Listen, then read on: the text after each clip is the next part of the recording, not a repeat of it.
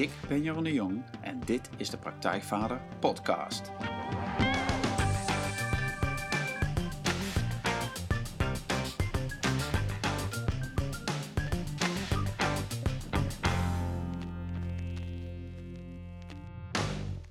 Welkom bij een nieuwe aflevering van de Praktijkvader Podcast. Jeroen hier en goed dat je luistert. En zoals elke aflevering interview ik een inspirerende gast die jou verder gaat helpen bij de volgende stap in je vaderschap. Ik vraag schrijvers, coaches, wetenschappers, kunstenaars naar hun vak, hun ervaringen, hun tips en trucs over hoe je met meer ontspanning en plezier de vader kunt zijn die je je kinderen en jezelf gunt. En vandaag is schrijver, spreker, uitgever en vader Ernst-Jan Foutengast. Welkom Ernst-Jan. Dankjewel. Ja, goed dat je er bent. Um, nou ja, voor de mensen die je niet kennen, Ernst-Jan Fout is een ware alleskunner. Hij is medeoprichter van De Correspondent, de hooggewaardeerde, onafhankelijke en kwalitatief hoogwaardige uh, journalistieke platform. Um, dat bijna 60.000 betalende leden en maar liefst 45 medewerkers stelt. Hij is zelf al jaren gefascineerd door innovatie in de media, daar schrijft hij over. Hij heeft zijn eigen podcast daarover. Uh, maar het kenmerkende van Ernst Jan en eigenlijk ook van de correspondenten is dat het niet alleen bij woorden blijft, maar ook dat, uh, dat het echt om de daad bij het woord voegen uh, gaat. En nou ja, het succes van de correspondent is daar een mooi voorbeeld van, want dat bewijst dat mensen op internet wel degelijk voor goede artikelen willen betalen. En over Ernst Jan zelf, het Amerikaanse tijdschrift Forbes nam hem in 2016 op in de lijst van de 30 meest interessante Europeanen onder de 30. En de andere fascinatie, of een van zijn andere fascinaties, is, um, is eigenlijk zelfhulp en de zoektocht naar hoe je een gelukkig leven kunt leiden. En dat avontuur leidde tot het onlangs verschenen Dankboek, een dagboek voor een tevredene leven. Nou, in dit boek beschrijft Ernst Jan op een bijzondere heldere manier waarom we zelf eigenlijk op dit moment in een burn-out samenleving leven en hoe we hier op een eenvoudige manier een draai aan zouden kunnen geven. Nou, en over dit onderwerp vind je een hele mooie TED-talk van hem op het internet. Uh, daar zal ik ook een linkje van plaatsen nog. Uh, maar daar gaan we het ook in dit interview over hebben. En inmiddels is Ernst-Jan uh, verhuisd vanuit Nederland met zijn vrouw en zoontje naar New York. Dus Ernst-Jan zit nu ook in New York. En nou ja, kortom, Ernst-Jan is een jonge vent met een missie, een drive en de energie om die waar te maken. En in dit interview gaan we het hebben over de prestatiemaatschappij, de burn-out samenleving, wat dankbaarheid is en hoe je toepast. En Ernst Jans fascinatie voor persoonlijke groei. Natuurlijk over zijn vaderschap en ongetwijfeld nog veel meer. Nou, Ernst Jan, dan zijn we begonnen. Um, Wat een heerlijke introductie, zeg. Ja, ja, ja. Ik denk, ja, weet je, ik, laat ik het even zeggen. Dan hoef je het zelf allemaal niet te vertellen. Um, maar dit, nou ja, wat mij opviel, en dan gaat het allemaal, je doet heel veel. Maar uh, even om te beginnen, jij bent onlangs verhuisd naar New York. Um, om even een beeld te geven, kun je vertellen, uh, ja, eigenlijk van, van wat je ziet als je uit je raam kijkt misschien. En ook hoe het is om met je gezin nu daar te leven, zeg maar, in een totaal andere wereld. Ja, een transatlantische podcast. Uh, ja, ja precies. Ja. Ja, nou als ik naar buiten kijk, ik zit in een, uh, in een conference room van een uh, kantoor waar, waar we met de correspondent zitten. En ik zie een ander kantoor als ik naar buiten kijk. Wel, wel een mooi kantoorgebouw gelukkig, een beetje klassiek. En de zon schijnt. Het sneeuwde vanmorgen, maar alle sneeuw is weer gesmolten. Het is een mooie zonnige dag. En ik ben hier nu, ik woon hier nu denk ik bijna een maand met mijn gezin. En eerst verbleven we bij vrienden, maar sinds twee weken hebben we een huis en dat is wel, of een appartement. Dat is wel echt heerlijk om weer een eigen plek te hebben. En eigenlijk wat hier, wat hier opvalt is dat iedereen is hier tijdelijk. of lijkt hier tijdelijk te zijn.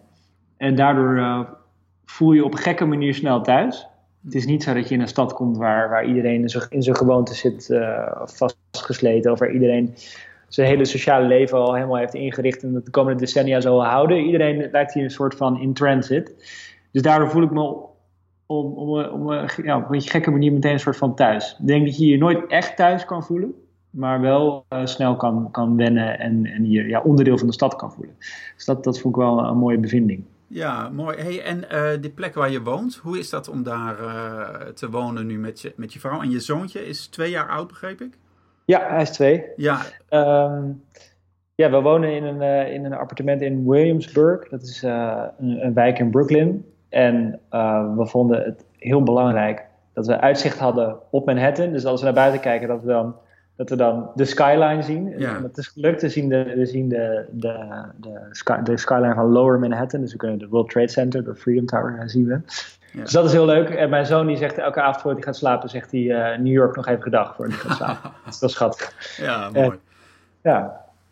En wat merk je aan hem, zeg maar? Van, hij is natuurlijk nog klein, maar wat merk je van hem? Hoe die, ja, hoe die, die transitie oppakt of zo? Nou ja, het is dus het is wel grappig dat hij zich dus echt realiseert dat hij in New York is. Want hij dus elke avond uh, het uitzwaait. Hij hoort natuurlijk die andere taal, die hij op zich al kent, denk ik, van, van soms een YouTube-filmpje in het Engels of zo. Maar uh, hij spreekt. Uh, laatst waren we in een winkel en toen zei hij uit het niet, zei hij, oh my god. Wat wij niet hebben, wat hij blijkbaar uh, ja. mensen horen roepen. Ja, dus hij begint die taal wel een beetje, wel een beetje op te pikken. En hij, hij zit nog niet op een school en zo, op een crash. Dat, dat hopen we dat hopen we snel te regelen. Uh, maar ja, ik vind het wel spannend, want ik weet natuurlijk niet precies wat er in hem omgaat. En het lijkt me wel, zijn hele ritme is natuurlijk wel totaal omgegooid. Ja. Uh, dus hij had thuis, in Amsterdam had hij, uh, had hij gewoon een vaste dag, had hij naar een crash ging, vaste dagen dat ze opa en, opa's en oma's kwamen oppassen. En nu is alles anders en zijn ook al die mensen er niet. Um, hij, hij, lijkt, hij is heel vrolijk en zo, maar het lijkt me voor hem toch ook wel gek. Het is heel raar dat je daar dat je niet helemaal kan weten hoe dat nou voor hem is. Ja, precies. Ja, maar ja, je merkt het denk ik gewoon aan hem hoe die in zijn vel zit van uh, elke dag, zeg maar. En dat is dan een beetje je richtlijn misschien. Ja, ja, dan moet je er een beetje op varen. Maar als hij dan even niet zo lekker in zijn vel zit, dan voel ik me ook meteen uh, enorm schuldig over dat we hem hier naartoe uh, slepen en in zo'n nieuwe wereld gooien. Ja, want maar, Sorry, ja. Nou, ik was benieuwd van, je hebt natuurlijk die beslissing genomen. En wat, waarom ben je eigenlijk naar New York gegaan? Kun je dat vertellen? Ja, we willen hier um, een Engelstalige versie van de correspondent opzetten. Okay.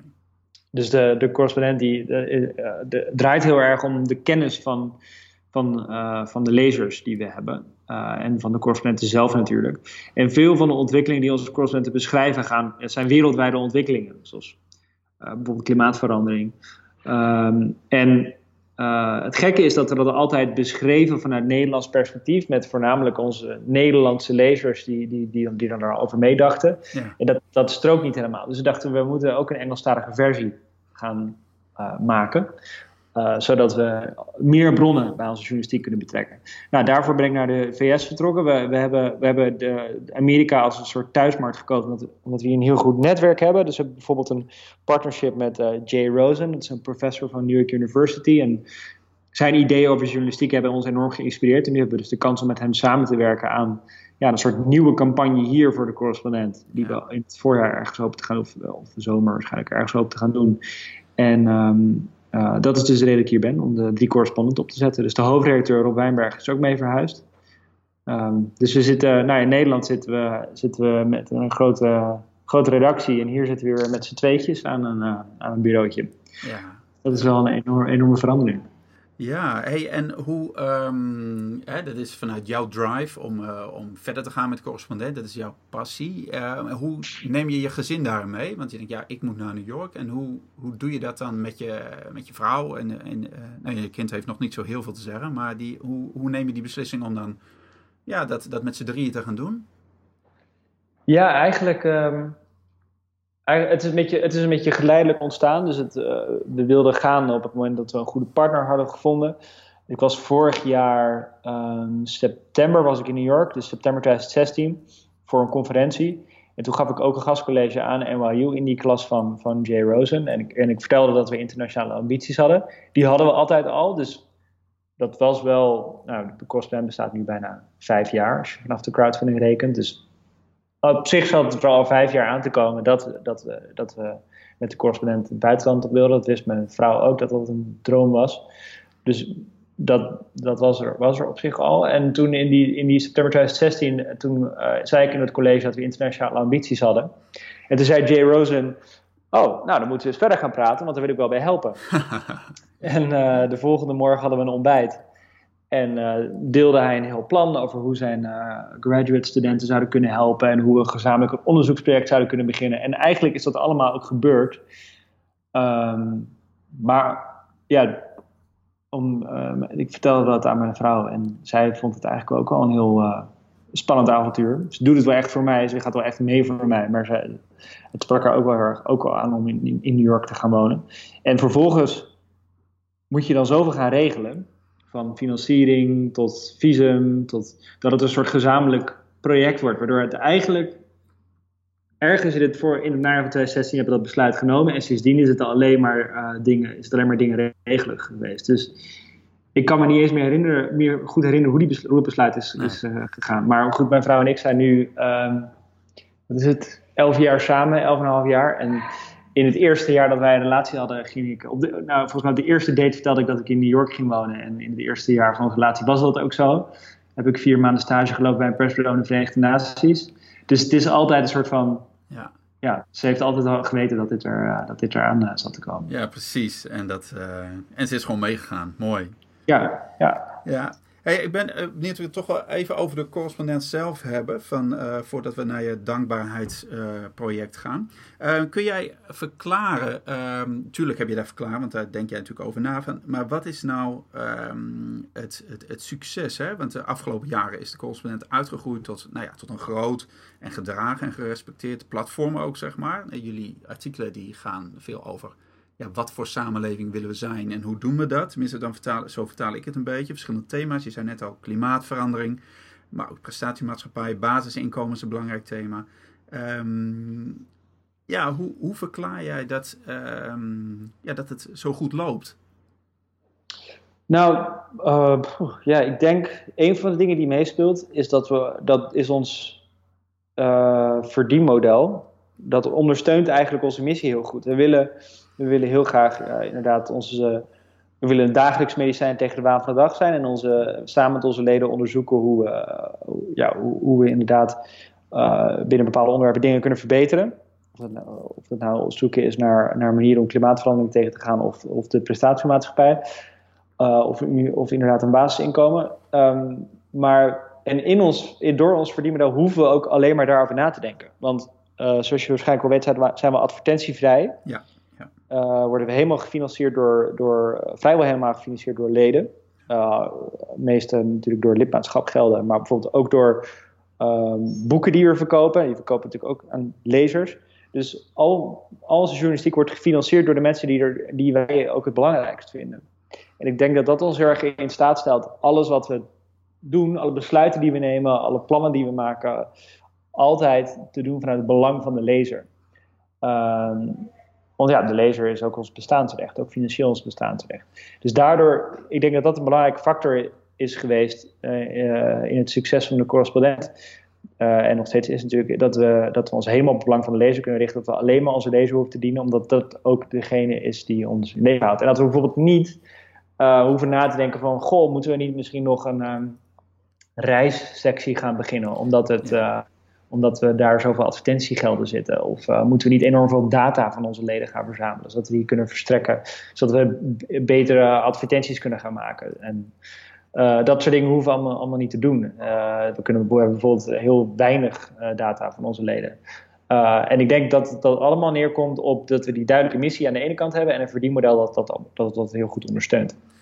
Ja, en dat, dat maakt dus, hè, van dat, want ik zie, uh, ik heb de hele tijd van al die, die artikelen dan voorbij zien komen, dat die gedeeld worden op Facebook. En nou ja, ik ben zelf ook lid, dus ik krijg ze nu gewoon netjes in mijn, in mijn inbox iedere dag. Die lezen voor jou, hè, die, die, heb je die, heb die helder in beeld, wat hij dan wil? Maar je zegt, je schrijft het voor mijn lezers. Van, um, hoe, weet, je, weet je het profiel of, of hoe, hoe doe je dat schrijven voor de lezer?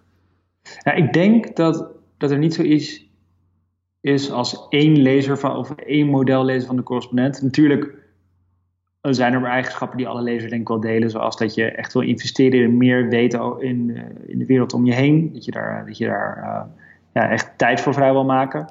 En niet alleen maar snacknieuws wil consumeren. Maar ik denk ook wat er, ik ben wel benieuwd of jij dat herkent, dat er ook allemaal sub communities zijn binnen de correspondent. Dat je bijvoorbeeld één correspondent heel intensief volgt. Dat je ook uh, hebt ingeschreven in haar nieuwsbrief. Ja, precies. Uh, en dat je, dat je dat er, nou ja, in, hier in, in, de VS hebben we, als we de correspondent pitchen, dan heet het over knowledge communities. Dus dat we kennis, kenniscommunities hebben binnen, binnen de correspondent. Dus dat er een, een, uh, een groepje is die heel erg met onze klimaatcorrespondent Jan Mommers bezig is met hoe we klimaatverandering tegen kunnen gaan. Dat er, uh, uh, maar dat bijvoorbeeld een correspondent als Sanne Blauw, die over statistieken schrijft, die heeft bijvoorbeeld weer een nieuwsbrief waar ze nerd-rubrieken in heeft en zoals, zoals dat zelf zegt. ik denk dat het allemaal verschillende groepen zijn. Ja. Hoe ben, mag ik, ik ben trouwens benieuwd, hoe ben jij, um, hoe ben je uiteindelijk tot het besluit gekomen om, om lid te worden? Volgde je het eerst via Facebook en op, op een dag besloot je toen lid te worden? Of hoe ging dat? Ja, nou, dat is eigenlijk. Ehm, ik, ik kreeg van ja, regelmatig dan dingen, zag ik van, van, van mijn Facebook-vrienden dan voorbij komen. En op een gegeven moment dacht ik, ja, maar dit, ik vind dit zo waardevol. Ik wil hier ook een bijdrage aan leveren. Dus dit is ook, wil dit ook niet alleen maar consumeren, maar wil dit mede mogelijk maken. Omdat dat ook wel een manier is waarop ik zelf in het leven sta. Van, van hey, dit is zo, ik vind dit waardevol. Mhm. En dan, ehm, ja, nou ja, dan, dan wil ik wat ik kan bijdragen daaraan. Dat, dat wil ik dat ook, uh, nou ja, ja, gewoon een bijdrage aan leveren. Van dat, dat, dat de kwaliteit die jullie leveren, dat ik die op mijn manier kan ondersteunen. Zodat er een soort, ja, ik denk dat er met heel veel dingen is, dat er een soort energieuitwisseling op gang komt. Uh, wat minder gaat alleen maar over consumeren en over, maar ook over actief dat ja, iets waardevols uh, steunen. En het gemak, dat komt dan erbij, zeg maar. Dat ik dan niet meer afhankelijk ben van andere mensen die dat uh, voor mij delen. Maar dat ik zelf actief, uh, nou ja, mensen kan volgen, zoals jij zegt. Hè? Van, ja. Dus dat is wel, ja, zo, zo ben ik er zelf in beland. Oké, okay, cool. Ja. mooi. Hey, en een van de thema's waar jij zelf veel over schrijft, um, is, is, nou ja, ik zei het net al, de aankondiging is de burn-out samenleving, de prestatiemaatschappij. En daar gaat mm ook je boek over, daar gaan we het zo nog over hebben. Maar uh, je schrijft in een artikel, maar ook in het boek van hè, nou ja, dat iedereen het druk heeft. En dat we in een samenleving ja, leven waar 1 op de 7 mensen eigenlijk last heeft van uh, burn-out klachten. 1 op de 7 werkende mensen. En ja. dat er nog veel groter percentage geeft aan dat ze regelmatig stress ervaren. En mm nou ja, depressie uh, is, is hard op weg om volksziekte nummer 1 te worden. Um, ja, nou ja, je hebt daar veel onderzoek naar gedaan, je hebt veel over geschreven. Um, en ik herken het ook veel aan de, bij de mannen die, die ik spreek of die in mijn trainingen komen. De, de, de druk ligt hoog, uh, vooral in het werk, maar ook op de gebieden daarnaast, zeg maar. Dus ook in, je ouderschap, maar ook in vriendenkring. Gewoon, je wil het gewoon overal goed doen eigenlijk. Um, maar wat is volgens jou dan uh, de belangrijkste reden dat dit aan de hand is of dat dit zo is ontstaan? Wat, waarom zitten we daar nu in?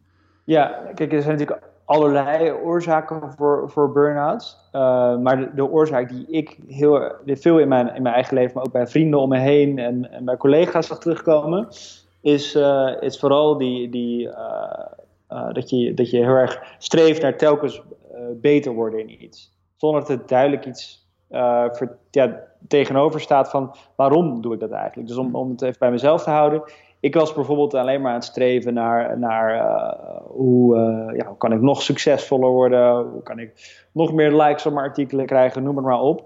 En niet zozeer bezig met doelen die me. Het probleem met dat soort doelen, dus van de doelen die ons telkens worden voorgehouden, in bijvoorbeeld in, in media of in, in reclames, of wat we impliciet aan elkaar laten weten in sociale media, is altijd van. Uh, je moet je een beetje afmeten aan anderen. Ben ik, ben ik populairder dan anderen? Ben ik, weet ik veel, rijker dan anderen? Knapper dan anderen? Uh, en, en het probleem met dat soort, de, dat je je altijd meet aan anderen is dat je het leven een soort competitie wordt. Uh, waar, waar je eigenlijk, die je eigenlijk nooit kan winnen. Want er is altijd wel iemand die het weer beter voor elkaar lijkt te hebben. ik denk altijd dat, dat Messi uh, jaloers is op Ronaldo omdat Ronaldo meer prijzen wint. En dat Ronaldo jaloers is op Messi omdat mensen altijd zeggen dat hij het grotere talent is. Dus ook al zit je aan de top van je, van, van je vak, je bent altijd toch nog, uh, toch nog uh, jaloers. Uh, en je ervaart daardoor dus geen voldoening. Je krijgt er niks voor terug. Maar ondertussen werk je er wel keihard voor. Dus wat ik, wat ik bij mezelf zag, is dat ik altijd bezig was met, nou, wat kan ik nu weer beter gaan doen als ik een succes behaalde? Dan dacht ik, dan genoot ik daar niet van, maar dan dacht ik van, oké, hoe ga ik nog meer het succes halen? Of wat is nu de volgende stap? Kun je een voorbeeld geven, Jan? Kun je eens een voorbeeld geven van dat je dacht, nou, als ik dat nou bereikt heb, dan, uh, ja, dan misschien in je werk of zo. Ja, nou kijk, wat ik bijvoorbeeld met mijn nieuwe boek. Ehm, eh, ik was er nu bewust van. En uh, daardoor zag ik dit opeens bij mezelf gebeuren. Uh, maar vroeger had ik dat niet. Ik heb bijvoorbeeld, wanneer was het? 2010 heb ik ook een boek gepubliceerd over bloggen. En dat boek was niet echt, echt een heel groot succes. Het deed het wel aardig, maar het lag niet op de stations in de boekhandels daar. Dus niet bij de ACO's. En uh, ik kan me herinneren dat ik in die tijd de hele tijd weer uh, boekhandels uh, inging om te kijken of het te lag. En dan lag het er weer niet. Nou, um, fast forward naar zeven jaar later, weer een boek uitgebracht. En um, dat heeft, doet het wel heel goed. Dus dat lag wel, ligt wel op alle stations. Dus ik loop voor het eerst zo'n stationswinkel binnen. Ik zie daar mijn boek liggen. Ik denk van nou, yes, het ligt er. En dat is het dan. Dus dat is die korte kick. En vervolgens denk ik van, oh ja, maar het ligt, ja, het ligt wel het ligt niet op de middentafel. Het, Of het, het, staat niet bij de bestsellers. Of een boek kwam bijvoorbeeld op nummer 2 in de bestsellerlijst binnen, ja, staat die op nummer 1. Ja. En als je, dus als je, als je je geluk afmeet aan dat soort doelen, aan, aan, aan van die, van die succes, uh, klassieke succesdoelen, van doe ik het beter dan anderen, doe ik mijn boek het beter dan andere boeken, dan blijf je, dan ga je dat nooit het geluk vinden. Want dan heb je zoals ik dus nu, denk je van, nou ja, oké, ik heb nu die droom behaald, maar goed, het ligt, het ligt, niet, uh, het ligt niet top. Of een paar weken later denk je van, oh, het, is nu, uh, het staat nu gewoon in de kast in plaats van dat het op de tafels ligt. Dus dat geeft je geen voldoening. Terwijl wat me wel heel veel voldoening geeft, zijn van die doelen die, um, ja, waar, uh, nou, waar ik echt intrinsiek door gemotiveerd ben. Dus ik krijg nu bijvoorbeeld heel veel uh, mailtjes van, van lezers of van gebruikers van Dankboek, een beter, betere term. Die zeggen, uh, ik doe het met mijn gezin bij, bij, het, uh, bij het avondeten, vullen we het dankboek in. Het is een heel mooi ritueel geworden. Of iemand vertelde dat hij, dat hij erg ziek was geweest, dat hij het dankboek cadeau had gedaan aan alle mensen die hem behandeld hadden. En, uh, en dat hij op zo'n zo manier zijn dankbaarheid kon, kon uiten. En daar haal ik wel ontzettend veel voldoening uit, uit die verhalen, uit dat het, dat het mensen helpt. En dat onderscheid probeer ik, nu steeds, probeer ik me nu telkens aan te herinneren. Want het is niet dat het in één klap is opgelost of zo. Dat ik niet meer streef naar meer populariteit of noem maar op. Maar ik probeer me dus zelf veel meer bewust van te maken om dankbaar te zijn voor, voor de dingen die me wel echt voldoening geven. Dus bijvoorbeeld tijd met mijn gezin doorbrengen. Of uh, werk doen omdat ik het belangrijk vind, dat ik er plezier uit haal. En dat ik niet denk aan de beloning die het eventueel kan opleveren. Um, en, en dat, dankbaar, dat dankbaarheidsritueel dat ik in het dankboek centraal stel, wat ik niet, niet zelf bedacht heb, maar wat uit de positieve psychologie komt, dat, uh, dat je elke dag drie dingen opschrijft waar je dankbaar voor bent. Nou, dat is in de afgelopen 15 jaar is dat uitgebreid onderzocht wat, wat, wat, wat voor effect dat ritueel heeft. En dat heeft enorm veel positieve effecten op, uh, op uh, allerlei groepen mensen. Namelijk dat je er uh, optimistischer wordt, tevredener van, uh, van raakt en ook empathischer van wordt, omdat je ziet hoe vaak je je tot anderen verhoudt en wat de anderen voor je betekenen. Um, dus uh, dat, dat dankbaarheidsritueel is een soort van, voor mij een soort dagelijkse reminder geworden aan streef nou niet naar, naar die doelen die je telkens worden voorgehouden waar je zogenaamd gelukkig van zou worden, maar waar je eigenlijk niet gelukkig van wordt. Probeer in je aandacht te richten op dingen die je wel echt voldoening geven. Ja, en je zegt zelf al, hè, van um, er is heel veel afleiding om ons heen. En, um, en, en er worden alle in de reclame, maar ook sociale media, overal zeg maar, wordt ons, en dan zijn er ook nog allemaal stemmetjes in onszelf, die ons uh, eigenlijk vertellen van, uh, dat we wel naar die, uh, nou ja, weet je, naar dat, naar dat geluk moeten streven zoals jij vertelt, hè, van dat je boek op nummer 1 staat of, of zoveel likes. Um, hoe ga je daarmee om? Van hoe blokkeer je dat een beetje? Of hoe uh, ja, scherm je je daarvoor af? Heb je daar een manier voor gevonden? Nou ja, dat, door er dus bewust van te zijn. Uh, dus door, ik heb er dus veel over gelezen en, en daardoor, daardoor weet ik, ben ik er nu bewust van dat dit telkens gebeurt. Um, en door dus, ja, kom ik steeds meer achter eigenlijk dagelijkse rituelen te zoeken die je, die je helpen je te richten op, op, uh, op dingen waar je wel voldoening uit haalt. Dus bijvoorbeeld als je naar werk kijkt. Ik weet dat ik geen voldoening haal uit een dag die begint met te gaan kijken wie me gementioned heeft op Twitter. Of ik nog nieuwe e-mailtjes heb.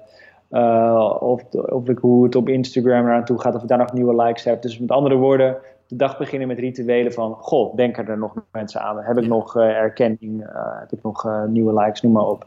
Ik weet wel dat ik dat de kans op een, op een, een dag die me aan het einde van de dag, een, een, een werkdag die me aan het einde van de dag een goed gevoel geeft, groter wordt als ik weet waar ik aan wil gaan werken. En als ik, als ik de dag begin met bijvoorbeeld het schrijven van een artikel en daar al mijn energie in steek en daarna eens gaan kijken hoe het met mijn mail gaat en zo. Dus ik probeer nu bijvoorbeeld mijn dagen zo in te richten dat ik, dat ik, uh, ja, dat ik sneller een flow kan, kan vinden. Uh, ja. Dus heel praktisch. Uh, ik, ik zorg ervoor dat ik niet mijn mail check en zo. En niet, niet al die sociale media afga voordat ik in de flow ben geweest. Dus En dus dat is stap één die ik doe. Dus de tweede stap die ik neem is dat ik van tevoren al bedacht heb waar ik aan wil gaan werken. Dus ik schrijf altijd de dag van tevoren op. Morgen wil ik bijvoorbeeld, nou, ik wil vandaag wil ik uh, bijvoorbeeld een artikel gaan schrijven over een, interview dat ik heb gedaan met Ryan Holiday, ja. een uh, Amerikaanse auteur. En ik weet, daar ga ik eerst aan beginnen. Uh, na, nadat wij ons gesprek hebben gehad, in plaats van dat ik mijn mail ga doen of zo, ga ik daar aan beginnen. En ga ik daar tijd voor vrijmaken. Dus dan heb ik niet, dan haal ik op die manier dat twijfelmoment weg van goh, zal ik eens mijn e-mail gaan openen om te kijken wat, wat de wereld van me wil. Is eigenlijk is je e-mail gewoon to-do-lijst waar anderen op kunnen schrijven. maar in plaats daarvan kijk ik naar, uh, kijk ik naar wat wil ik zelf eigenlijk toevoegen. Ja. Uh, dus ik heb dat op een, op een briefje staan van ik ga dat en dat doen. En, en vervolgens zorg ik ervoor dat de kans dat ik gestoord word heel erg klein wordt. Dus ik heb geen Slack-notificaties, ik heb geen e-mail-notificaties. Uh, ik heb veel WhatsApp-groepen op mute staan. Uh, nou, ik heb het nu helemaal makkelijk, omdat op een gegeven moment in Nederland de werkdag stopt, terwijl het hier, nog, uh, terwijl het hier net begonnen is. Ja, precies. Um, en op die manier zorg ik ook voor dat ik niet uit die flow gehaald kan worden. Dus door dit soort dagelijkse rituelen te bedenken en in te voeren, probeer ik mezelf weg te houden bij die dingen die me niet gelukkig maken. Ja, en dat, dat klinkt dan, uh, ik herken dat zelf ook wel hoor, dus dat, dat, is, dat is ook wel hoe ik mijn dag probeer te beginnen. En dat klinkt vrij eenvoudig. Um, maar als we dan kijken naar, naar de cijfers hè, van, gewoon, van hoe we het doen hier, dan focussen we op Nederland, maar het is in andere landen natuurlijk een beetje hetzelfde. Hè, al die antidepressiva die geslikt wordt. Uh, we hebben de grootste, schrijf jij, de grootste psychologendichtheid ter wereld in Nederland. Uh, we organiseren een week van de werkstress, maar gaan daarna gewoon weer keihard aan het werk. Uh, dus het probleem is wel aanwezig, dat, dat zien we wel, dat signaleren we wel en iedereen ervaart het ook. En jij geeft dan nu, zoals jij het kort beschrijft, denk, nou dat is een mooie manier om, om daarmee om te gaan. Um, maar waarom lukt dat ons als samenleving, als maatschappij niet, zeg maar? Ja, omdat we het individueel niet kunnen oplossen, denk ik. Dus ik denk dat je heel veel stappen zelf kunt nemen, waardoor je je beter kunt richten op dat, datgene wat je echt belangrijk vindt. Dus ja, zoals jij net ook beschrijft, hè? je persoonlijke rituelen en zorg dat je niet afgeleid wordt. En nou ja, dat klinkt heel goed. Ja, ja daar kan je echt, daar kan je wel echt, uh, daar kan je veel aan hebben, maar het is niet, het is niet genoeg. Uh, omdat je, je moet ook echt, kijk, ik heb dan een luxe positie dat ik bijvoorbeeld geen leidinggevende heb. Maar stel dat je, dat je wel een leidinggevende hebt en die zegt van nee, is prima dat jij uh, je dag zo niet met e-mail wil beginnen. Maar ik wil dat je dat wel doet, want ik wil dat je als allereerste mijn vraag gaat beantwoorden. Ja, dan kan ik wel met het mooie ritueel komen aanzetten, maar dan heb je daar helemaal niks aan. Dus um, dit, dit probleem van die burn-out samenleving, het is, het is um, je, je, je hoort wel eens uh, van, van mensen die zeggen, nou, doe dit en dat, dan is het opgelost. Maar dat, zo werkt het niet. Je moet, het individueel moet je inderdaad wel stappen nemen, maar je moet ook kijken, hoe kun je het als samenleving aanpakken? Nou, dat klinkt meteen super groot. En, uh, en als je geen carrière als activist of politicus ambieert, dan kan het ook best wel uh, ontmoedigend zijn van, oh ja, moet ik dat als samenleving aanpakken? Ja, wat, wat ga ik dan daaraan doen? Um, maar je kan natuurlijk ook dat, je kan ook kijken wat kan je vanuit je rol als bijvoorbeeld werknemer of vanuit je rol als werkgever of vanuit je rol als gezinslid, als vader, um, al, gaan veranderen. Dus bijvoorbeeld, ik, ik, had dit, uh, ik heb dit dankboek geschreven en ik, ik heb het voor mezelf heel goed uh, allemaal geregeld. Ja. maar toen realiseerde ik op een gegeven moment ook van ja, ik kan dit nu wel zeggen, maar tegelijkertijd zijn er mensen bij de correspondent die, die overwerkt raken. Ja. Dus dat is eigenlijk mijn verantwoordelijkheid als werkgever. Hoe kan ik ervoor zorgen dat, we, um, dat, dat, dat dat niet meer gebeurt bij de correspondent? Ja. Um, en hoe doe je dat dan? Hoe, heb je daar iets mee gedaan? Nou ja, het is een, dat is een lopend proces. Maar bijvoorbeeld een van de dingen die we hebben gedaan met, met, met, uh, met, uh, met, bijvoorbeeld uh, de andere oprichters, is kijken naar wat, wat, wat denken mensen eigenlijk dat wij van ze verwachten. Ja. verwachten ze, de, denken ze dat wij verwachten dat ze altijd bereikbaar zijn. Dat we ze s'avonds nog kunnen bellen. Of dat, we, dat, ze, nou, dat ze zoals de gemiddelde Europeanen een dubbele werkweek per week bereikbaar zijn voor hun baas. Um, en die, die verwachtingen hebben we allemaal bekeken en zo. vervolgens zijn we gaan opschrijven, want dit verwachten we eigenlijk jullie. Dus we verwachten dat je om zes uur gewoon, eh, dat je probeert om zes uur te gaan uh, stoppen met je werken. En dat je, we gaan er niet vanuit dat je s'avonds nog je e-mail checkt. Als wij je een e-mail sturen buiten werktijd, dan gaan we er niet vanuit dat je die beantwoordt, maar dat je die, of überhaupt leest, maar dat je dat, later doet. Um, als je je niet goed voelt, dat je niet dan door gaat kwakkelen, maar dat je je ziek meldt. Dat je als je je overwerkt, uh, dat je dat compenseert. op andere dagen. Nou, dat soort verwachtingen uitspreken is stap 1. En vervolgens, daar zitten we dan nu middenin, um, gaan proberen ook dat echt daadwerkelijk te gaan veranderen. Want wij kunnen wel zeggen, ga om zes uur naar huis. Maar als de workflows bij de correspondent zo zijn dat dat, niet lukt, als je bijvoorbeeld in de eindactie zit, dan, uh, omdat je nog allerlei stukken moet redigeren, ja, dan is het een, dat is een soort loze uh, mededeling. Dus nu zijn we uh, allemaal processen aan het veranderen, waardoor, waardoor iedereen ook echt daadwerkelijk op een normaal tijdstip naar huis kan. Ja. En iemand kan afsluiten en zijn slek kan afsluiten. Dus en dat is een, een stuk ingewikkelder dan ehm, wat je voor jezelf kunt veranderen. Ik bedoel, ik kan, ik kan vandaag besluiten, ik ga vanaf nu mijn werk inrichten, dat het de, mijn werk zo inrichten dat ik meer flow kan ervaren. En dan kan ik daar direct aan beginnen en heb ik het grotendeels zelf in de hand. Maar als je dat met een organisatie gaat proberen, dan is het veel, veel ingewikkelder. Uh, maar je moet het wel doen, want je kan het niet, je kan het niet uh, alleen maar voor jezelf oplossen. Nee, en dat, uh, het is een soort wisselwerking, denk ik. Ja, precies. En ik vind het wel, uh, ik vind het wel interessant wat je beschrijft. Want um, het, is, het is ook iets van, van wat je vanuit je positie, in dit geval als werkgever, maar altijd als je natuurlijk in een soort hiërarchie, in een soort andere positie zit, of dat nou je werknemer is of, of als ouder naar je kind toe, zeg maar, dat je zelf uh, het aankaart en in dit geval het goede voorbeeld geeft. Um, ja. Maar hoe zie jij dat, uh, de, vooral dan niet zozeer tussen ouders en kinderen, maar misschien ervaar je dat tussen gewoon volwassenen, misschien nog vooral tussen mannen, dat er ook een soort competitie zit. Hè? Of ook, het kan op de werkvloer zijn, van, van, hè, dus onderling. En, um, en dat er eerder een soort, soort concurrentie is, ook tussen, als je op dezelfde plek werkt, of überhaupt, hè, tussen, vooral vaak tussen mannen, van hè, ik wil het beter doen. In plaats van een soort, ja, misschien zo'n natuurlijke kameraadschap of zo. Of, of dat je inderdaad vanuit een positie als leidinggevend, of überhaupt als oudere, uh, een soort de hand reikt naar, de, naar je werknemers of naar de mensen die, die jij opleidt of zo. Um, hoe zie je dat, zeg maar? Hoe je, zou je die competitie, een beetje dat argwanende, of toch weer ik ben beter dan jij, uh, hoe zou je dat kunnen ja, doorbreken? Of wat is daarvoor nodig? Gesprekken, ja, ik denk dat je er echt. Uh, kijk, wat je vandaag ook al anders kan gaan doen uh, als je in zo'n werkomgeving zit, is, is praten over het statussymbool van druk zijn. Ja. Dus het is nu in onze, in onze westerse cultuur is het ben je een held als je een all-nighter doet. Dat is stoer. Dus je werkt de hele nacht door. Dan ga je even naar huis om te douchen en dan meld je je weer op je werk. Of uh, je bent stoer als je uh, heel vroeg op de dag of heel laat op de dag uh, zit te mailen.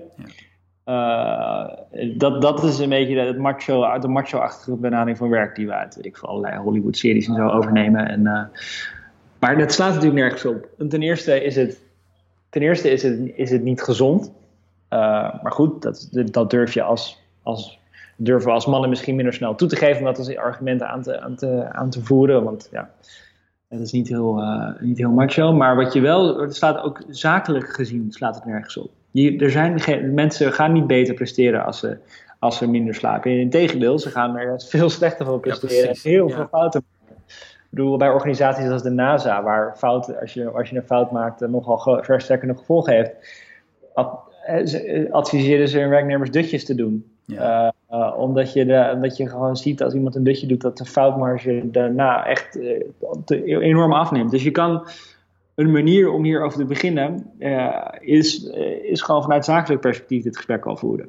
dus dan laat je nog even de gezondheids- en sociale overwegingen achter de, achter de hand. Maar begin je gewoon eens te praten over is dit wel de beste manier van werken? Is dit wel de meest efficiënte manier waar, waarop, we, waarop we samen kunnen werken? Als we eigenlijk allemaal elkaar aan het rollen zijn in een soort red race waar, waar, waarvan de finishlijn een burn-out is. Um, en volgens mij kan dat een, een soort goede manier zijn om zo'n gesprek te beginnen zonder dat je jezelf meteen enorm kwetsbaar uh, hoeft op te stellen. Um, en kan je, kan je zo al beginnen om te, over te praten van ja, ik, uh, ik zorg goed voor mezelf. Ik ga op tijd naar huis. Ik sport, ik sport genoeg omdat ik geloof dat ik daar mijn werk beter van word. Uh, en als je daar dan die gesprekken over hebt gevoerd en daar met elkaar over na, kan je misschien dan op een gegeven moment eens opbrengen van nou, um, ik, uh, ik doe dit eigenlijk ook niet omdat ik, uh, omdat ik deze fase van mijn leven ook heel graag mijn kinderen wil zien. En niet dus nog de, zaterdag nog met jou een conference call ga doen over dat en dat project, omdat ik zaterdag langs de lijn wil staan bijvoorbeeld. En niet over 30 jaar die vader wil zijn die erachter komt dat hij zijn kinderen nooit gezien heeft. Ja, ehm, dus, dus ik denk dat je zo geleidelijk die gesprekken kunt beginnen. Eerst, eerst vanuit het zakelijk perspectief en dan langzaam over je gezondheid en over je prioriteiten in het leven kunt, kunt hebben. Um, ik probeer dat in ieder geval steeds meer te doen. En ik merk dat, dat uh, nu heb ik natuurlijk dat, dat dankboek om, om er naar te kunnen wijzen en weten mensen waar ik voor sta. Maar toen dat nog niet zo was, dan vond ik het best wel spannend om te zeggen van nee, ik uh, wil vanavond deze vergadering niet doen. Of nee, ik, uh, ik uh, heb je e-mail om negen uur s'avonds niet gezien, omdat ik als ik thuis kom mijn telefoon wegleg. Ja. Ja. dat, dat vond ik best wel, ja, dat, dat, dat lijkt, als je er oppervlakkig naar kijkt, alsof je geen hart voor de zaak hebt of zo. Of niet een achiever bent of wat dan ook. Maar eigenlijk, uh, naast dat je er, naast dat je er hier meer tijd voor je geliefde en voor je dierbaren en zo hebt, is het ook uh, zakelijk ook gewoon een betere investering. Dus, dus uh, op die manier probeer ik die gesprek weer te voeren in het begin. Ja, dat is mooi. En dat is, nou, dat is wel grappig dat je het zegt, want uh, dit zijn eigenlijk dingen die we, die we van binnen of soort intuïtief wel, wel weten, zeg maar. Hè? Dat we bijvoorbeeld van, van veel werk en weinig slaap, dat dat niet bijdraagt. En dat je ook inderdaad, als je nu heel veel werkt of, of steeds maar zegt, ja, ik werk nog een keer over, ik doe nog, het doe wel. Dat je er niet bent voor je geliefde en dat je daar later dan spijt van krijgt. Dat is ook van die beroemde lijstjes van, van, van hè, waar zijn de vijf dingen waar mensen spijt van hebben als ze, als ze op hun sterfbed liggen. Van ja, ik had nooit niet genoeg tijd met mijn geliefde uh, gewerkt. En er staat nooit op van ja, ik, uh, ik vind het zo fijn dat ik altijd uh, zo hard gewerkt heb. Um, Maar in jouw boek, in jouw dankboek, misschien kun je zoiets vertellen over de opbouw ervan. Want dat is, dat is een doelboek ook. Um, geef je eigenlijk aan de hand van allerlei wetenschappelijk onderzoek, hè, wat, wat we dan toch fijn vinden om de cijfers erbij te hebben. Um, al die redenen, wat je net zegt, waarom het is goed is uh, om, om voor jezelf te zorgen en ja te zeggen en in die flow te komen, dat soort dingen. Wanneer, wanneer, ik ben wel benieuwd van, wanneer kwam jij op het idee voor dit boek? Of wanneer had je zoiets, ja, maar dit boek moet er nu komen? Nou, ik had me altijd voorgenomen geen zelf een boek te schrijven. Want ik, ik schreef voor de correspondenten, recenseerde ik die boeken. Ja, zelf veel boeken. Ja, ja en ja. alles wat er gezegd moet worden is ongeveer alles gezegd. Ja. Dus wat, jij, wat je net aanhaalde, hè, dat uh, beroemde sterfbedvoorbeeld van ik had er meer willen zijn voor een dierbare, dat weten we. En als wij, als wij een lijstje zien met dingen waar mensen gelukkig worden, dan is dat een lijstje met open deuren. Ja. Um, dus de, ik realiseerde me steeds meer, de uitdaging zit er niet in in het ontdekken waar je gelukkig van wordt. Dat, is, dat, dat weten we zo ongeveer wel. Um, maar ja, we doen het niet. nee, daar, inderdaad. De uitdaging zit er in volgens je leven zo inrichten dat je er, dat je er daadwerkelijk naar gaat leven. Ik, ik, ik had dus Ryan Holiday geïnterviewd. Dat is een um, Amerikaanse auteur.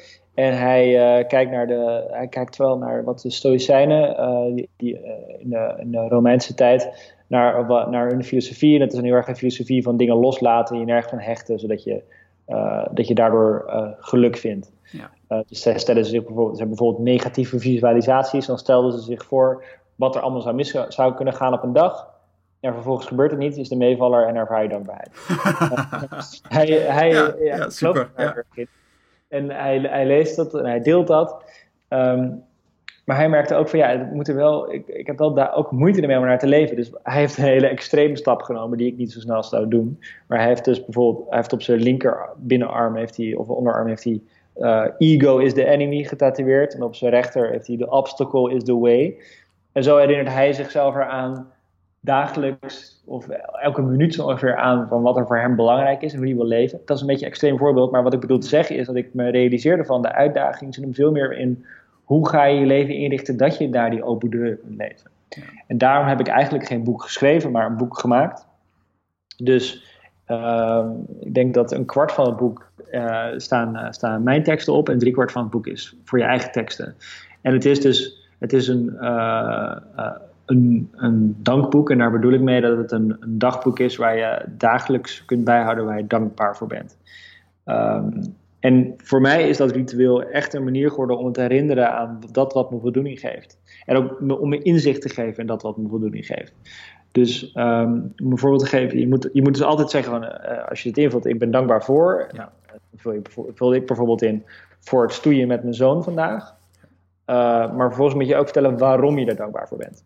Ehm, en dus dat schrijf ik op. En, en, dat, en dat is eigenlijk het meest interessante gedeelte, want dat, dat geeft mij inzicht in dingen die, mij, die me voldoening geven. En waarom ik er gelukkig voor word om met mijn zoon te stoeien. Namelijk omdat ik er met volledige aandacht voor hem was. En we elkaar, dat we, dat we samen verloren in dat moment. Ehm, en zo, zo is het voor mij dus elke dag, en ik doe het voor het slapen gaan, een soort afsluiting die me herinnert aan, aan, aan hoe ik wil leven. En, en, waar, waar ik mijn tijd aan wil besteden en waar ik prioriteit aan wil geven. Hey, en kun je eens als voorbeeld hè, van, uh, kun je iets zeggen wat je bijvoorbeeld gisteren hebt opgeschreven, of, of pas zeg maar, wat eentje die de uitsprong voor jou was, want je bent er al een hele tijd mee bezig. Dus uh, kun je nog steeds nieuwe dingen vinden? Ja, ja door, het, de, de truc is om specifiek te zijn. Hmm. Dus het leg ik ook uit in mijn dankboek. Probeer specifiek te zijn. Het is natuurlijk fantastisch als je gezond bent. Uh, maar als je dat elke dag opschrijft dat je daar dankbaar voor bent, dan wen je daar op een gegeven moment aan. Terwijl dit ritueel werkt eigenlijk alleen als je nieuwe gevoelens van dankbaarheid ervaart. Dus, dus moet je specifiek zijn. Dat vergt wat oefening, maar uh, ik heb wel gemerkt dat dat kan.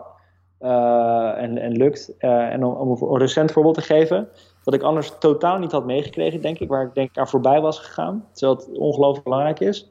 Uh, dus toen in de weken voordat we naar New York verhuisden, um, toen had ik natuurlijk nog allemaal afscheidsdingetjes met vrienden en familie. tegelijkertijd waren het de meest chaotische weken uit mijn leven qua dat we ons huis nog moesten leeghalen, moesten inpakken, visumgedoe moesten regelen, hotels moesten boeken, nou, noem maar op. Uh, ook al het werk moesten afsluiten natuurlijk voor de correspondent. Uh, echt de meest, ongeveer de meest weken van mijn leven. Uh, maar in die week had ik dus ook al die vrienden die ik nog zag. En die dingen voor, voor, voor, voor, voor mijn vrouw en mij organiseerden. En boekjes maakten en noem maar op. En, um, normaal gesproken denk ik dat ik daar voorbij geraasd was. Dus had ik wel leuke avonden gehad. Maar, had ik maar was ik vervolgens helemaal bezig geweest met hoe gaan we naar New York. En nu, omdat ik elke avond de dag afsloot met, met, dat, met, met, met mijn dankboek en daarin op ging schrijven waar ik dankbaar voor was, zag ik na verloop van tijd van wauw, het is echt zo bijzonder wat, wat al deze vrienden voor ons doen en, uh, en hoe belangrijk ze voor ons zijn en, en hoe dankbaar we ze voor ze zijn. En nu, als ik terugdenk aan die tijd, denk ik niet zozeer terug aan aan uh, al die gaas eromheen, maar vooral aan, om, om aan die, die uh, mooie momenten met vrienden die we, die we daar uh, nog hadden. En ik denk dat ik dat zonder dit ritueel niet gezien had. Dan was de, dan was de herinnering gewoon geweest, oh ja, super drukke tijd, that's it. Ja, ja, dus je staat echt stil. Hè? Dat is wat je, wat je eigenlijk doet door jezelf dat, dat moment te geven. Dat je stilstaat en door ook echt drie dingen op te noemen. Dat, um, en die ook nog moet zeggen waarom je dankbaar bent, zeg maar, dan ja, je gaat echt soort de krenten uit de, uit de, uit de dag halen, of de, de pap van de dag of zo. En dat, ja, ja. En dat ja, geeft ook echt, ja, ja precies. Ja. maar ik ken het wel hoor, van, van, van uh, op een andere manier zeg maar, van uh, wat ik zelf vooral deed toen de, ja dat is wel gek, dat deed ik dan vooral toen mijn kinderen wat jonger waren, dat, ik, dat je ze echt nog op bed lag en dat je dan, uh, dat ik ze dan vroeg van, nou ja, wat zijn nou de drie dingen die je leuk vond aan de dag? En nou, dan krijg je een hele leuke gesprekjes zo voor het, voor het, voor het slapen gaan. En um, maar ja, om dat zelf te doen, dat is dan weer een, nou ja, dat is dan, vraagt weer een extra, extra commitment of zo. Hè? Dat is wel. Ja. Maar het is, het is mooi om die, om die dankbaarheid, de waardering, om daar bij stil te staan. En um, ja, ik ben wel benieuwd van, jij, bent, jij bent zelf ehm, nu vader, hè? je zoontje is twee jaar oud. Uh, wat het eerste wat me opviel, dan denk ik van, hé, hey, jij was ook, jij bent een, een jonge vader. Um, de, de, gemiddelde leeftijd in Nederland ligt, ligt best wel wat hoger voor mannen die een eerste kind krijgen. Wat, wist jij altijd al dat je vader wilde worden? Of was je er gewoon klaar voor? Of hoe, hoe was dat? Nou, het is eigenlijk heel praktisch. Mijn vriendin, of mijn vrouw, is een paar jaar ouder dan ik. ja, oké, okay, ja, dat speelt dus, ook mee. Ja. ja. dus nee, ja, ik, eerlijk gezegd wist ik, wist ik niet of ik, um, of wist mijn vrouw en ik niet of, of we kinderen wilden. We wilden, wilden niet, omdat het zo vanzelfsprekend wordt gezien vaak, was het, um, ja, wilden we ons daar, verzetten we ons daar een soort van tegen in eerste instantie. Dus we wilden er echt goed over nadenken van, willen we dit? Um, en toen was de conclusie, ja, toch, dit we toch wel. Gewoon, uh, ja, om, om allerlei redenen. Maar ik denk vooral om de verdieping die het aan je leven kan, kan geven. Uh, en uh, om uh, ook gewoon nieuwsgierigheid. Ja. wat volgens mij ook een, goede motivatie kan zijn. En ook om, om, om samen een gezin te hebben, is natuurlijk ook iets heel, iets, iets heel moois. Dus ik dacht, nou, dat, dat willen we. Ehm, uiteindelijk werd ik dus op mijn 29ste vader, wat, wat inderdaad best jong is. En volgens mij, als je in een bepaalde situatie uh, zit, ga je altijd kijken van wat zijn de voordelen daarvan. Dus ik kan nu allerlei voordelen opnoemen van jong vader zijn. Ja, geweldig. Uh, ja. wat zijn ze? Je, heb, heb, je een idee wat, wat het voordeel is? Nou, dat, dat, dat, ik, er, dat ik hem langer ga meemaken, om er maar eens een te noemen. dat sowieso, ja. Dat we iets dichter bij elkaar zitten in belevenis misschien nog. Ja. dat, en ook dat het wel, dat het me ook, ook dat is dan een individuele reden, eerder rust heeft gegeven of zo. Ik denk dat dit dankboek er niet was geweest als hij er niet was geweest. Oké, ja, want hoe, hoe zit dat? Hoe zit die link? Nou, omdat eh, het, ouders, het vaderschap denkt je, denkt je, of in ieder geval dwong het mij heel erg om te kijken naar wat vind ik belangrijk in het leven. Waar, waar, waar wil ik mijn tijd um, aan besteden? Uh, en ik, ik wilde dus een ouder zijn die er, die, die, die, uh, er thuis met aandacht is. Um, uh, en die, uh, die er ook vaak is. Ik heb ook geprobeerd nog een, soort, een, een, dag thuis te zijn of een middag thuis te zijn. Maar dat ga ik later nog eens proberen. Het, was, dat, lukte nu, dat lukte nu gewoon ja. echt niet. In combinatie denk ik van dat ik gewoon mijn hoofd bij het werk zat. En dat deze fase van het vaderschap, of toen ik probeerde in het eerste jaar, niet echt een fase is die me heel erg ligt, denk ik. Okay. Ik kijk heel erg uit naar het moment dat we, dat, nou, zoals jij net vertelde, dat je echt gesprekken kan voeren en zo. En dat die wat uh, zelfstandiger uh, wordt. Daar, dat lijkt me heel leuk, dat je echt met een, met een mensje te maken hebt. Um, ik ben even mijn. Uh, oh ja, dus. dus oh, ik de dacht, link tussen, ja, tussen ja, de komst van je kind de, en het boek. Ja. Ja, en ik merkte heel erg dat ik, zoals ik leefde, dat ik gewoon, als ik thuis was, dat ik dan mijn hoofd eigenlijk nog vaak bij mijn werk had gezet, zat. of niet zozeer bij mijn werk, maar ook bij, bij uh, hoe ik me tot mijn werk verhoud. Of tot hoe, hoe, wat er online gebeurt met wat ik heb geschreven en zo. En dat ik nog vaker dingen Twitter aan het checken was. En, en ik merkte bijvoorbeeld als ik s'morgens... Ik werd dan s'morgens wakker en dan het eerste dat ik deed was een mail checken. Ja. Um, en met als gevolg dat er zat dan elke keer wel weer eens een mailtje tussen. Of elke paar dagen een mailtje tussen waar ik stress door ervoer. En dan, stond ik, dan was ik mijn zoon aan het verschonen of was ik met hem aan het spelen. Is dat ik met mijn hoofd al bij die stresssituatie. Ja. Toen dacht ik van ja, dit is, ik wil niet dat mijn leven zo aan me voorbij gaat trekken. Om het zo dramatisch te zeggen. Ja, dat ik altijd die vader of echtgenoot ben die uh, met zijn hoofd ergens anders zit. Um, uh, dus dat dwong mij uh, daarover na te denken en die keuzes te gaan maken, waar, uiteindelijk ook het dankboek uit voortkwam. Ja. dat is mooi. Dat, dat, ja, daar wilde ik je eigenlijk vragen, maar dat heb je nu eigenlijk al gezegd. Maar misschien kun je nog iets meer over vertellen van hoe jij. Hè, dat is wel een vraag die ik vaker stel van, aan, aan, aan, aan gasten die, die gewoon heel veel nou ja, kennis hebben verzameld of dat toepassen, wat voor je dan ook in hun werk. En hoe je dat dan ja, soort terecht of, of terugbrengt naar je persoonlijke leven. In dit geval natuurlijk je leven als, als vader, zeg maar. Dus hoe, breng jij, ja, hoe doe je dat, zeg maar? Al die, hè, in het boek beschrijf je ook van, je hebt al die zelfhulpboeken gelezen, je bent helemaal ingedoken, jarenlang mee bezig geweest en uiteindelijk soort, nou, gecomprimeerd tot inderdaad dat, dat kwart van, van het dankboek, zeg maar, waar, waar je het soort samenvat op een hele heldere manier. En hoe pas je dat dan zelf toe in je vaderschap? Als je daar nog iets nieuws, eh, nog iets extra's over kunt zeggen. Ja, nou, ik, ik, ik moet echt denken aan, het, aan de, weer interview dat ik met Ryan Holiday had. En eigenlijk is het een enorm uh, voorrecht om uh, te willen schrijven en te willen, te willen onderzoeken en te lezen en dat te delen. Want dat eigenlijk wat hij aan het doen is en wat ik aan het doen ben en wat jij misschien ook wel aan het doen bent, is dat je gewoon publiekelijk aan het bestuderen bent wat je wil van het leven. Ja, dat is mooi. Ja, dat klopt wel. Ja, dat klopt wel. Ja. Ja, ja, En dan, heb je de, dan hebben wij alle drie dan ook de, de drang om dat vervolgens te gaan delen met andere mensen. Ja. En het in formats te gieten waar andere mensen wat aan hebben. Uh, dus ik denk dat, dat, dat, dat, dat het een soort voorrecht is van, van schrijver of van maker zijn. Is dat je, dat je deze belangrijke studie naar het leven eigenlijk, die, die eigenlijk die iedereen gunt, dat je daar een manier voor hebt gevonden om dat in je werk ook toe te passen. En uh, je hebt wel, ik zag wel eens een cartoon, uh, volgens mij in de New Yorker of zo, over dat elke zelfhulpgoeroe, dat je eigenlijk de enige manier om het leven te leiden wat zelfhulpgoeroes propaganderen, is door zelf zelfhulpgoeroe te worden. Uh, dus het als je het leven van, van bijvoorbeeld een Tim Ferriss wil, dan kan je eigenlijk alleen maar dat bereiken door Tim Ferriss te worden. Ja. Uh, dus door ook zelf uh, te gaan schrijven, een podcast en zo te gaan maken. Nou, ik, ik, denk dat daar, dat daar een kern van waarheid in zit, in de zin van dat je dat het een soort, dat, het, ja, dat die boeken schrijven, dat die podcasts maken, dat het een soort publieke studie is. Um, dus wij, wij dit, uh, eigenlijk is dat een soort bevoorrechte positie die, die we dan hebben gekregen, voor onszelf hebben gecreëerd, dat je, dat je wat, wat je belangrijk vindt in het leven, dat ook je werk daarom draait. Uh, dus voor mij is die vraag heel makkelijk te beantwoorden. Van ja, ik heb dus uh, naast mijn werk als, als uitgever en bestuur van de correspondent ook een, ook een soort side gig waar, waar, ik, waar ik studie doe naar wat ik van het leven wil en waar ik vervolgens boeken over kan schrijven of artikelen over kan schrijven. Ja. Ja, en dat komt dan als hè, vanzelf terecht bij je zoon in dit geval, omdat jij dat gewoon bent, of dat je dat doet, of dat je dat leeft. Is dat dan... Ja, dat ik er meer, ja, dat ik er meer voor hem ben. Doordat ik, doordat ik, doordat ik heb geleerd dat hoe.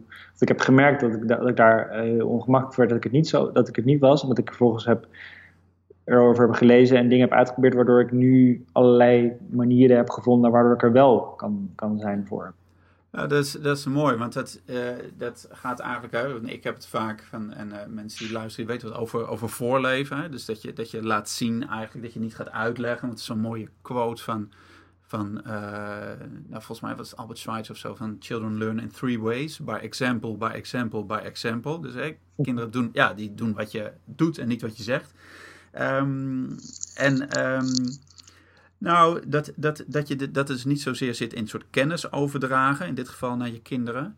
Maar inderdaad gewoon letterlijk doen wat je, wat je waardevol vindt of zo. Hè? Dus doen wat, je, wat jij vindt dat belangrijk is, dat ook echt te doen. En daar niet alleen maar over te schrijven en over te praten, maar dat ook echt gewoon te laten zien.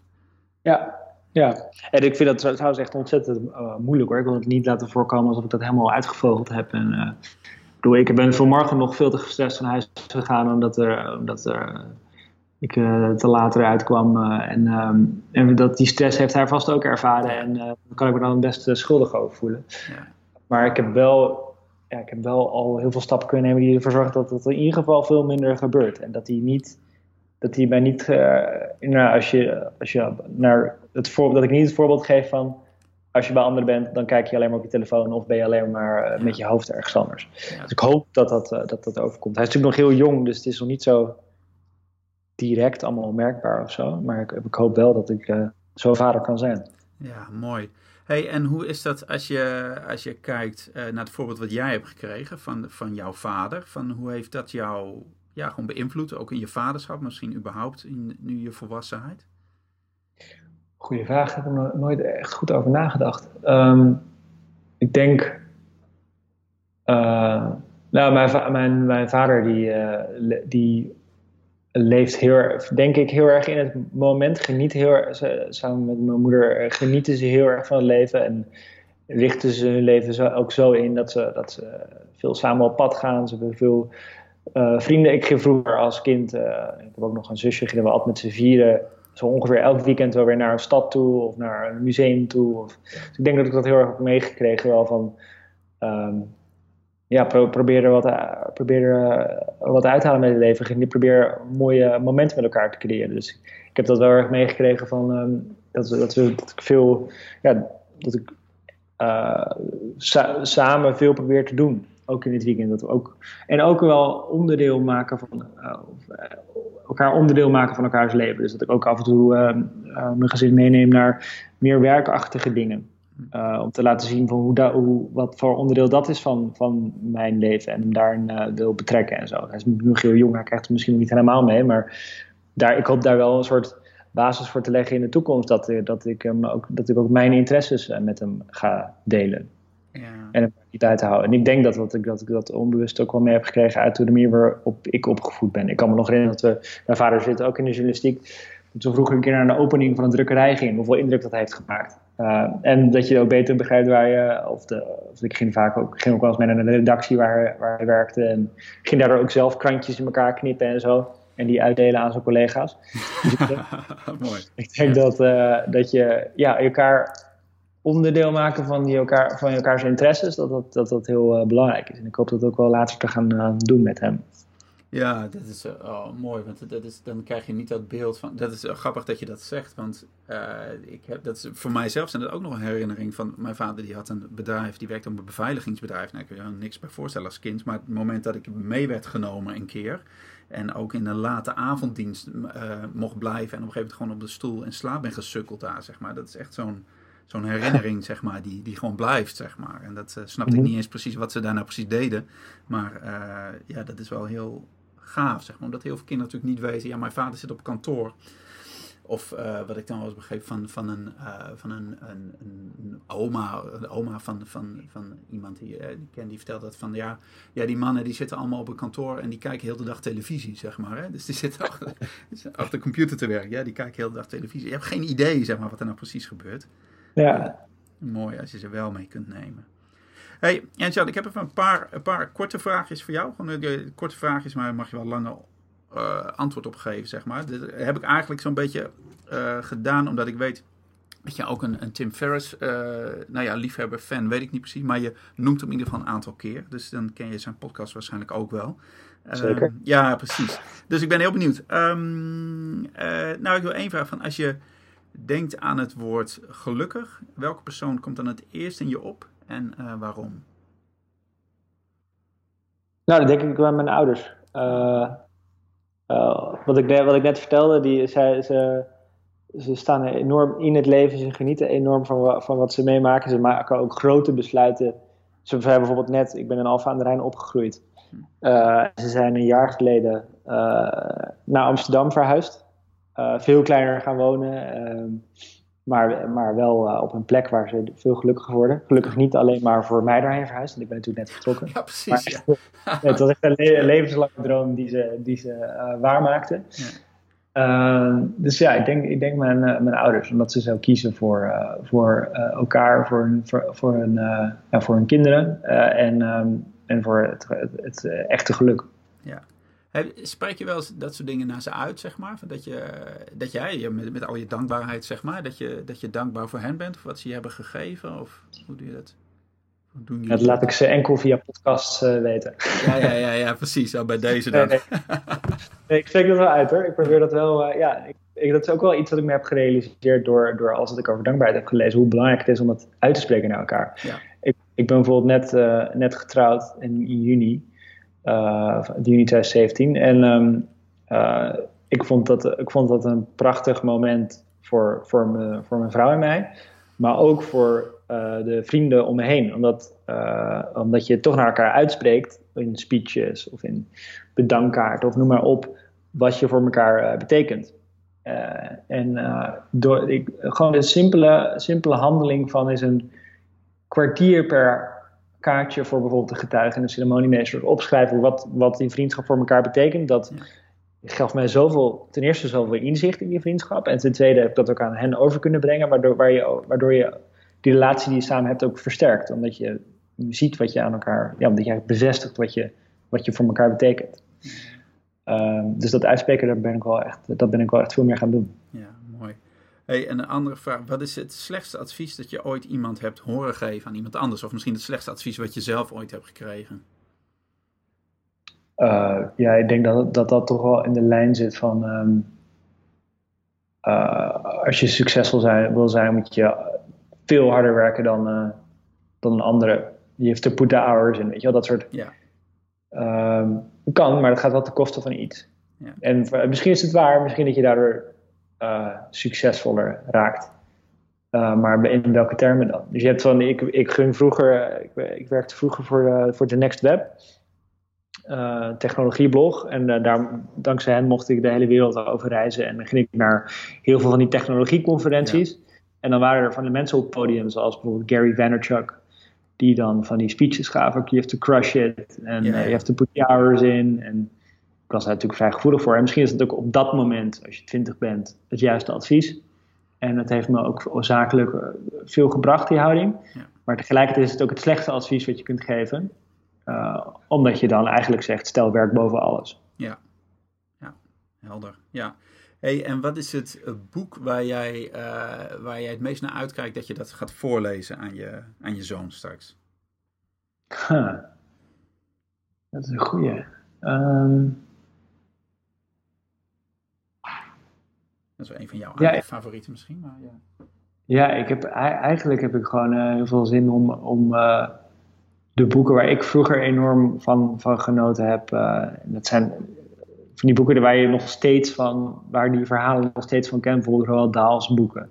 Om, die, om die voor te gaan lezen. Dat dat verhalen zijn die blijkbaar op mij zo'n enorme indruk hebben gemaakt dat ik ze nog steeds voor de geest kan halen. Ja. Kun je daar eentje noemen van Roald Dahl? Ja, zoals, zoals, de grote vriendelijke reus. Oh ja, natuurlijk. Dat, dat, lijkt me, dat, lijkt me, dat lijkt me heel mooi. En ik kijk heel erg uit naar, naar wat jij net omschreef. Dat, je, dat, je, dat, je, dat ik aan hem kan gaan vragen van waar, wat heb je vandaag meegemaakt waar je wat je, wat je mooi vond, waar je dankbaar voor bent. Ik kijk er uit om dat soort gesprekken met hem te gaan hebben. Ja, dat is mooi. Ja, dat is ook prachtig. Dat is echt uh, dat is fijn om te doen. Hey, en um, jij bent nog niet zo heel lang vader, maar het is een vraag die ik ook vaker stel. Van als je nou terug zou kunnen gaan naar het moment dat je je kind voor het eerst in je armen hield, wat zou je jezelf dan als advies willen geven? En misschien kun je even een beeld schetsen van hoe je er toen bij stond of zo, of waar je was, zeg maar. Van... Uh, dat was in het ziekenhuis uh, na, na heel lange tijd. En uiteindelijk met, het was, uh, met een, waar een keizersnede aan te pas kwam en zo. Dus het was, het was een nogal stressvol weekend. Ja, precies. Ehm, maar als ik me toen zelf een advies mogen geven, was, was het um, laat het los. Niet het kind, maar wel de ja. controle. controle ja. Ik, ik kan me herinneren dat ik in die eerste week dan uh, had ik bijvoorbeeld zo'n boek gekregen, de, de Tevreden Baby. En uh, dat gaat over hoe je je kind goed kunt laten slapen, een Amerikaans boek. En de, um, de, iemand had mij dat aanbevolen, maar uh, ik had even gemist dat hij, dat hij daarmee bedoelde, begin daar na drie maanden mee of zo. Ja. Terwijl in dat boek, in dat boek staat, begin er meteen mee, vanaf dag één. Nou, en ik heb natuurlijk een, enigszins een aanleg voor dat soort dingen willen en gaan proberen. Dus ik kan me herinneren dat ik met dat boek in de hand uh, meteen aan de slag wil. Terwijl wat ik gewoon had moeten doen was het lekker laten gaan. Ja. En uh, lekker uh, had moeten, volledig had moeten, dat ik heb ook wel genoten, maar helemaal volledig had moeten genieten van, van dat moment. En niet met een, een slaapboek in de hand het, de uitdagingen te lijf gaan. Dat is helemaal niet nodig. Nee, ja, mooi. Hey, en een beetje om het af te ronden dan. Um, met alles wat je weet en alles wat je ziet. En uh, je zegt, nou ja, je bent heel de wereld overgereisd, zeg maar. En vanuit de correspondent heb een brede blik. Um, wat zie jij nu, of ja, wat zie jij misschien meer maatschappelijk, als de grootste uitdaging uh, waar ouders in deze tijd voor staan als het gaat om het uh, grootbrengen van de kinderen? Hè? Wat is net de grootste uitdaging voor ons als ouders? aandacht en tijd. Um er echt, kijk, in Nederland hebben we het dan nog best wel goed voor elkaar, zie ik nu. Goed, ik zit hier een maand, maar uh, dat we dat we zoiets hebben als parttime werken. Uh, dat, we, dat, je, dat je niet altijd hoeft te werken. Ik bedoel, in Amerika is het allemaal. In Nederland is het 1 op de 7 uh, werknemers die burn-out verschijnselen heeft. In Amerika is het, is het de helft. Zo. Uh, um, en is het ook, is werk ook veel meer een keuze, niet zozeer een keuze van, uh, ik had het net over die Gary Vaynerchuk en dat je zegt, je hebt put the hours in. Hij richt zich waarschijnlijk ook gewoon tegen mensen die aan het overleven zijn en die een manier moeten gaan vinden om, om hun uh, gezin in leven te houden. dat hebben wij niet. Wij, hebben wij veel minder in, gewoon in Nederland. We hebben veel minder dat mensen drie baantjes moeten hebben om zichzelf en, en hun kinderen te kunnen voeden. Maar goed, we hebben wel nog steeds andere uitdagingen en dat is denk ik toch dat we heel erg in die prestatiemaatschappij leven, waar vooral je succes wordt afgemeten aan ja, hoeveel, hoe goed je het op je werk doet, hoe druk je bent, uh, hoeveel kinderen je wel niet kan grootbrengen. Uh, en ik denk, ik denk dat er een uitdaging voor, voor, voor ouders is dat we, dat we manieren vinden om, om er echt te zijn voor onze kinderen. En ik ben er zelf ook nog mee. Ik vertelde net dat ik het concept Papa-dag heb uitgeprobeerd, maar dat dat nu niet bij, nu niet echt helemaal bij me past om, om twee redenen. Maar ik denk wel, ik, ik hoop heel erg dat ik dat wel over een paar jaar nog eens uh, kan gaan doen. Uh, of dat ik dat wil gaan doen. Uh, want ik denk echt dat, dat, ehm, dat er veel zijn voor je kinderen en, en er met aandacht voor elkaar zijn. Dat dat, dat dat een hele grote uitdaging is. Door hele praktische dingetjes als die, als die telefoons die er de hele tijd rondzwerven. Of de iPads bij de kinderen tot, tot gewoon uh, ja, hoe belangrijk werk is gemaakt in ons leven. Als een soort onderdeel van onze identiteit.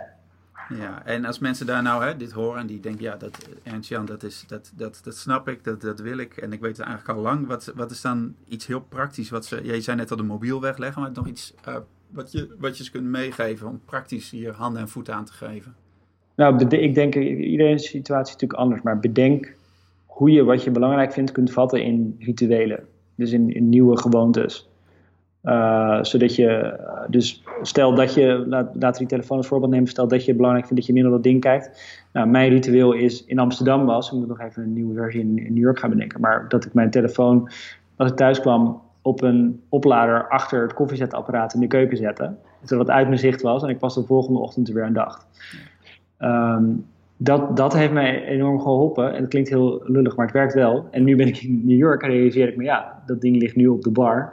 Ja. Heel zichtbaar daar, omdat daar toevallig een stekker zit waar, maar, mijn zoon niet bij kan. Maar ik moet eigenlijk een andere plek gaan bedenken, want hij ligt er ook, hij ligt er ook veel te zichtbaar. Ja. Uh, en zoiets stomzinnig simpels kan al een enorme invloed hebben. Dus ik zou, ik zou kijken naar wat je belangrijk vindt en hoe je dat vervolgens daar prioriteit aan kunt geven door van dit soort gewoontes en rituelen te bedenken. Ja, nou mooi. Hey, en als, als, als, nou, als allerlaatste, en Jan, heb jij zelf nog iets wat jij, uh, wat jij mee wilt geven? Of wat je zegt, nou, dat, dat wil ik nog graag wel vertellen. Of dat, had ik, heb ik even, dat wilde ik nog vertellen, maar dat heb je niet gevraagd. Of is er nog iets hè, over wat dan ook, zeg maar? Nou, uh, ik denk, ik heb het nu het hele over, als ik het over boeken had, heb ik het hele over, over zelf veel boeken gehad. Maar ik zou zeggen, um, kijk, zoveel boeken hebben natuurlijk ook mijn boek presenteren altijd praktische oplossingen.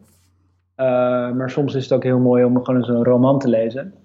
Waar geen voorgekoude oplossingen in staan, maar waar, waar, waar, dit soort dilemma's waar we het over hebben besproken worden. En uh, ja, meer die ook je verbeelding kunnen prikkelen en zo. En ik, ben, ik merk nu dat ik, ik ben nu in een nieuw land gewoon. Ik wil het nieuwe land leren kennen. En ik lees nu uh, romans om dit boek, om dit land soort van beter te gaan voelen, beter te gaan begrijpen. En, en dat, daar staat dan, dit is niet een etikettenboek waar staat altijd glimlachen als je collega tegenkomt, maar die veel meer, veel meer laat, laat, ja, laat voelen hoe zo'n land werkt.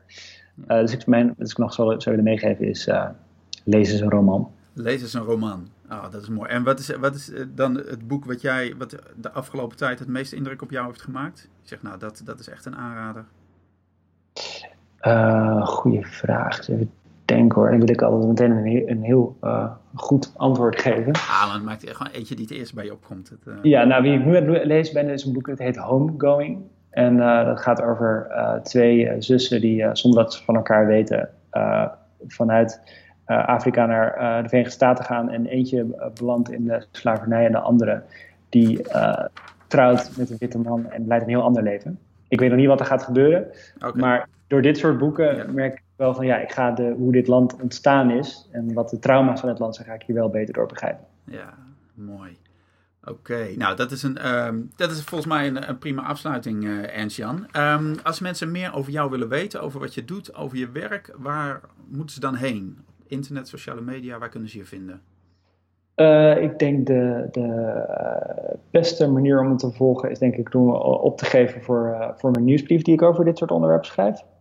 En dat kan via de correspondent. Als je gewoon uh, een artikelformaat op de correspondent opzoekt, dan staat daaronder staat een subscribe link.